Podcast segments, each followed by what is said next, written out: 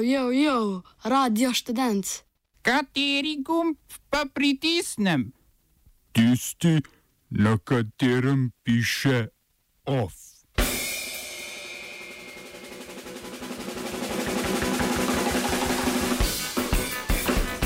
Na predčasnih parlamentarnih volitvah v Združenem kraljestvu prepričljivo slavili konzervativci. Zadnji izvoljeni bolivijski predsednik Evo Morales v Argentini zaprosil za azil.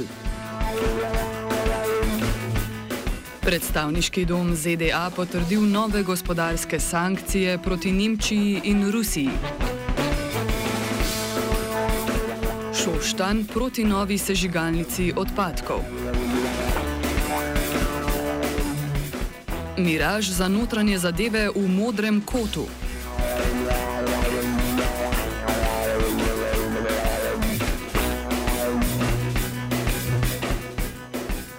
V Združenem kraljestvu so na predčasnih parlamentarnih volitvah prepričljivo slavili konzervativci pod vodstvom Borisa Johnsona. Osvojili so 364 poslanskih sedežev in si s tem zagotovili absolutno večino. Največja torijska večina po letu 1987, ko so na volitvah slavili pod vodstvom Margaret Thatcher, bo Johnsonu omogočila izvedbo Brexita do 31. januarja. Laboristi bodo imeli v novem sklicu parlamenta 203 poslance. Hud poraz je njihov vodja Jeremy Corbyn pospremil z napovedjo, da se bo umaknil iz predsedniškega položaja stranke. Burna politična pomlad se obeta tudi na Škotskem, kjer je slavila Škotska nacionalna stranka, ki je tudi podarila željo po novem referendumu o neodvisnosti. Več v kultivatorju ob 17.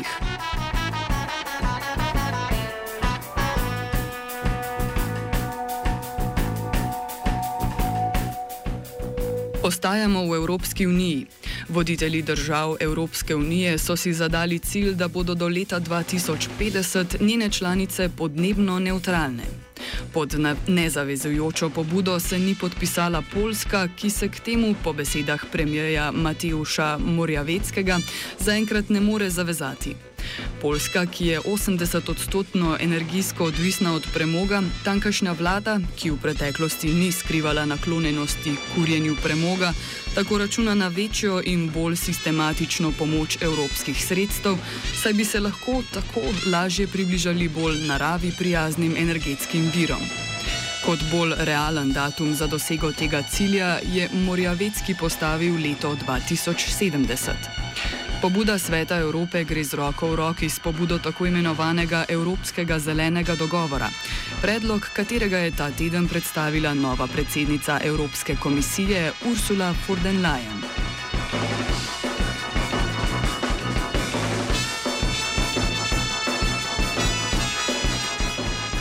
Na Apeninski polotok. Nekdani italijanski notranji minister in vodja desničarske lige Matteo Salvini se je znašel sredi nove preiskave. Kot minister naj bi neupravičeno uporabljal državne helikopterje in letala, do uporabe katerih pa so v Italiji upravičeni samo najvišji predstavniki države, med katere notranji minister ne sodi. Populistični politik je odprtje tudi te preiskave pospremil s posmehljivim tvitom.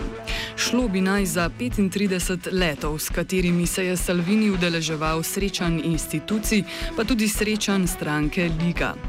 Kot vse kaže, tudi ta preiskava ne bo škodovala Salviniju in stranki, ki še vedno vodi v javnomnenjskih anketah.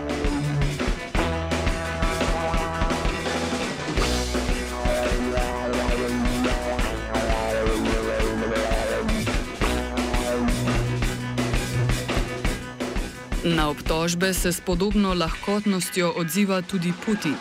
Potem, ko je Nemčija prejšnji teden izgnala dva ruska diplomata, je Rusija včeraj odgovorila z enako mero in izgnala dva nemška diplomata.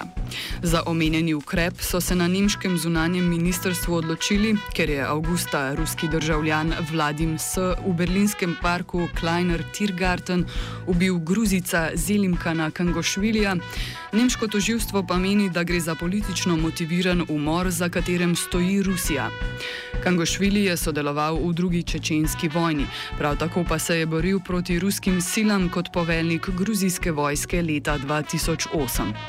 Ruski predsednik Vladimir Putin je v odgovor na obtožbe Gruzica sicer označil za bandita in ga obtožil sodelovanja pri izvedbi bombnih napadov na moskovski podzemni železnici. Putin je seveda zanikal upletenost v umor in nemškim preiskovalnim organom ponudil pomoč.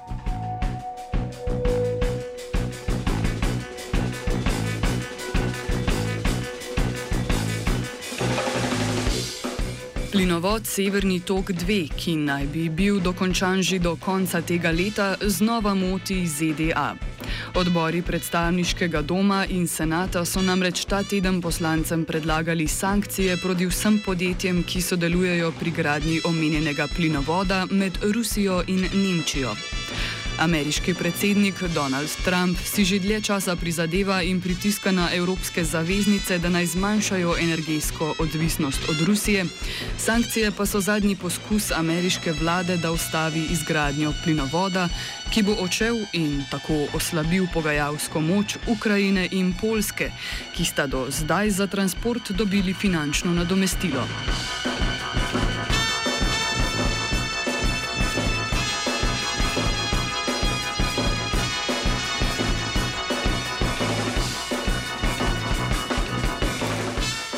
Alžirci so včeraj izvolili novega predsednika Abdelmadžidža Tabouna, ki je zmagal s 58 odstotki podpore. Taboun je zasedel stolček dolgoletnega predsednika Abdelaziza Buteflike, ki je po množičnih protestih odstopil aprila. Volitve so spremljali demonstranti, ki v volitvah vidijo zvijačo in zahtevajo popolno odpravo trenutnega političnega sistema. Spomnimo, da ima v Alžiriji že od osamosvojitve prevladujočo moč vojska. Volilna udeležba je bila zgolj 39 odstotna.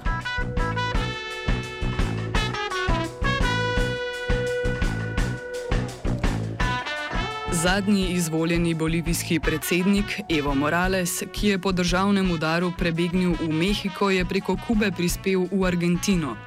Tam je že vložil prošnjo za azil, ki mu bo, kot je sporočil argentinski zunani minister Felipe Sola, tudi odobrena.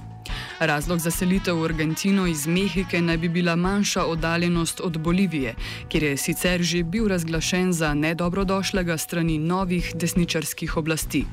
Povod za Moralesov prihod v Argentino je tudi menjava oblasti v tej državi, saj je v torek na volitvah zmagal bolj levo usmerjeni Alberto Fernandez. Ovo, če bom odgovoril na angliški. Slovenija bo poskušala pomagati. Slovenija bo naredila svoj utmost, da bo rekla, da je situacija naš problem, sami. In da bomo naredili nadaljnje korake, as soon as the conditions are. Bomo vlado Marjana Cererera Šarca podprli. Very, very serious. News from Slovenija. We know how and we will. Na jug se tudi uradno seli še avstrijska državljanka. Angelika Mlinar, kandidatka za kohezijsko ministrico iz kvote stranke Alenke Bratušek, naj bi že danes pridobila slovensko državljanstvo. Koroška slovenka bo po hitrem postopku prejela slovenski potni list, saj je vlada sklenila, da obstaja nacionalni interes za odobritev državljanstva Mlinar, s čimer je stekel postopek izredne naturalizacije. Premijer Marjan Šarec bi tako lahko že danes njeno kandidaturo poslal v parlamentarni postopek. Postopek v Avstriji glede dovoljenja za njeno zaprositev za slovensko državljanstvo sicer še ni končan. Mlinar trdno verjame v ohranitev avstrijskega državljanstva. Citiramo. Če mi tega teoretično ne bi dovolili, bi mi morali v Avstriji oduzeti državljanstvo, a si tega ne predstavljam. Prejšnji teden so naprimer oduzeli državljanstvo borcu skrajne skupine Islamska država, toliko da postavimo stvari v kontekst.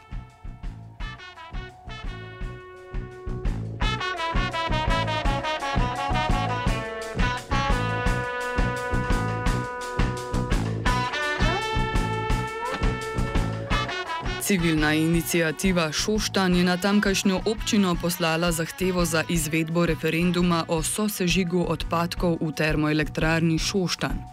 Tež naj bi v ta namen ob bloku 5 zgradil novo halo za dovoz goriva. Več pove Walter Kolar, predsednik inicijative. Ja, mi smo se odločili v civilni inicijativi, da bi eh, dali sklicati referendum, se pravi na občinskem nivoju. To pa ravno zaradi tega, ker eh, smo upadli, da se lokalna skupnost premalo upošteva v vseh eh, primerih sosežiga odpadkov. In to se pravi, da mi bi v tem primeru ne imeli nič drugega kot eh, kar naenkrat bi bili smetišče Slovenije. In se nam je zdelo primerno, da mi za to vprašamo občane, da se oni odločijo, ali so oni za ta sosežig oziroma ne.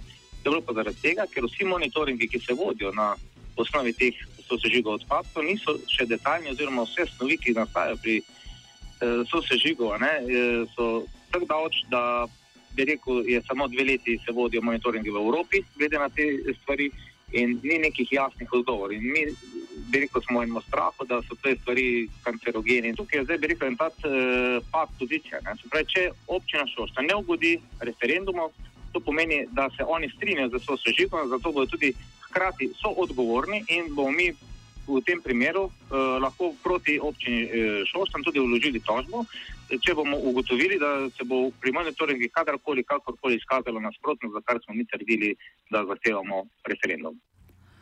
OF so pripravili vajenci Urh, Ožbej in Fin pod budnim očesom AKG.